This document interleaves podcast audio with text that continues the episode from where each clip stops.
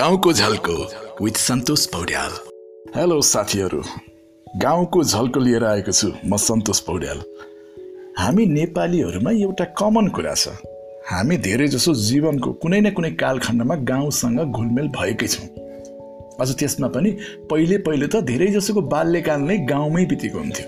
आजकल बरु घर चाहिँ गाउँमा भए पनि धेरै जसो बालबालिकाको बाल्यकाल सहरमा बित्न थालेको छ।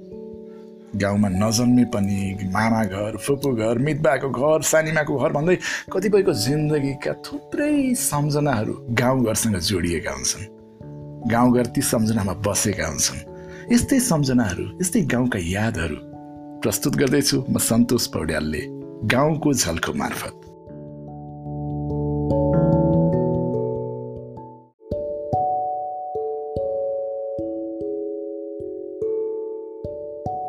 साथीहरू आउनुहोस्। आज कुरा गरौँ त्यो बेलामा गाउँमा बिहेको माहौल कस्तो हुन्थ्यो भनेर। हुन त आफ्नै धर्म जाति संस्कृति अनुसार आफ्नै शैली र परम्पराहरू हुने गर्छन् बिहेका। तर यहाँ मैले कुरा गर्दैछु मैले देखेको मैले जानेको गाउँको बिहे कस्तो हुन्थ्यो भन्ने बारेमा।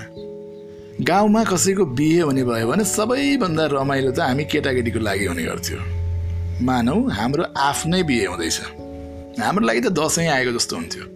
केही दिन अगाडिबाटै तयारीहरू हुन्थ्यो थुप्रै तयारीहरू। त्यो घरमा सजाउनको लागि ध्वजा पताकाहरू टाँस्ने यज्ञ गराउनुको लागि केराका थामहरू ल्याएर राख्ने सबै कामहरू हुन्थ्यो। सबैमा हामीहरू संलग्न हुन्थ्यौँ। तर सबैभन्दा खुसीको कुरा के हुन्थ्यो भने जन्ती जाने कुरो।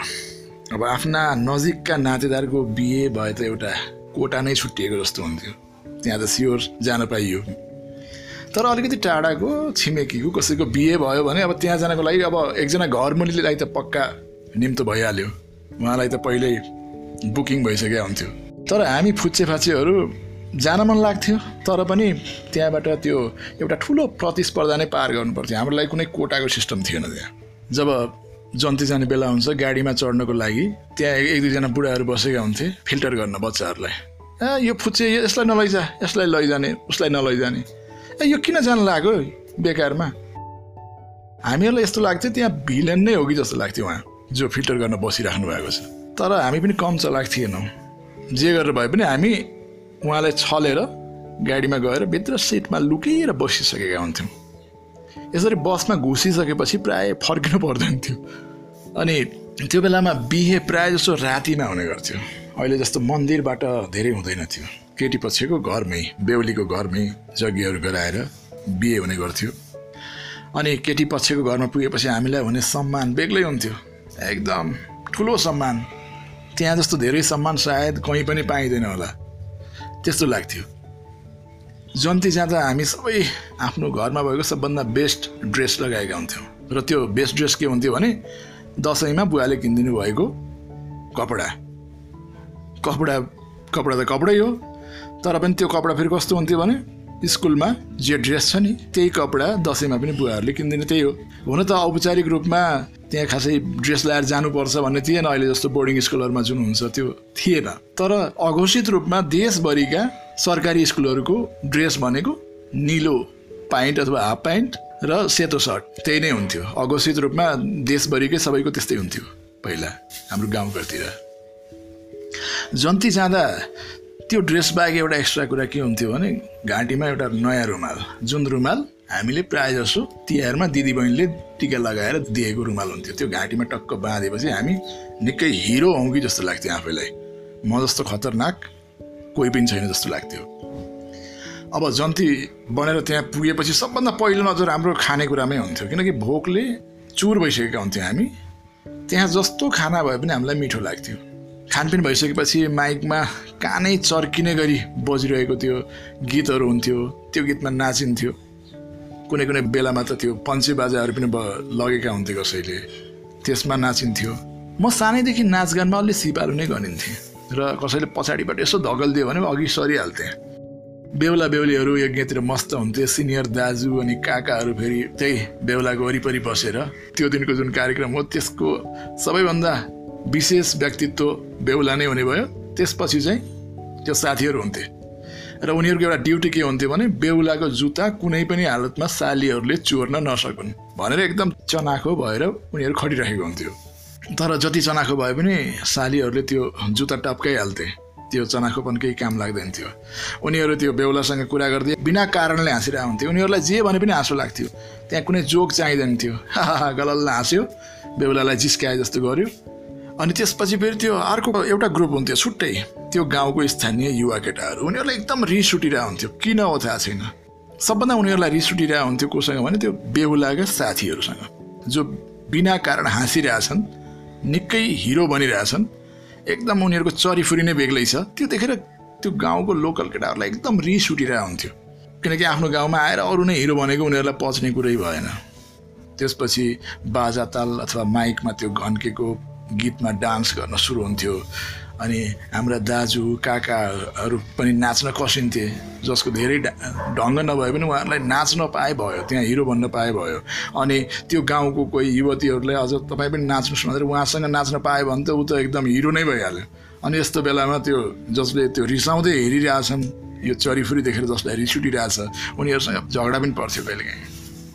यस्तो बेलामा त्यो केटी पक्षका नजिकका नातेदारहरू दाजु बुवा निकै बिचारा देखिन्थ्यो अब गाउँतिरको आफ्नो गाउँलेलाई गाली गर्नु पनि भएन। अब अर्को पक्षलाई गाली गर्नु पनि भएन। बेहुलाको पक्ष भनेपछि छुट्टै रेस्पेक्ट गर्नुपर्ने। यस्तै यस्तै कहिलेकाहीँ झगडा पनि मचिन्थ्यो। अझ पहिला पहिला त कस्तो हुन्थ्यो भने मैले बुवाले पनि भनेको सुनेको जन्तीमा गएर तासहरू खेल्ने चलन पनि हुन्थ्यो। तास खेल्न एउटा एउटा ग्रुपहरू बन्ने अनि त्यहाँ तास खेल्ने त्यस्तो पनि गर्थे।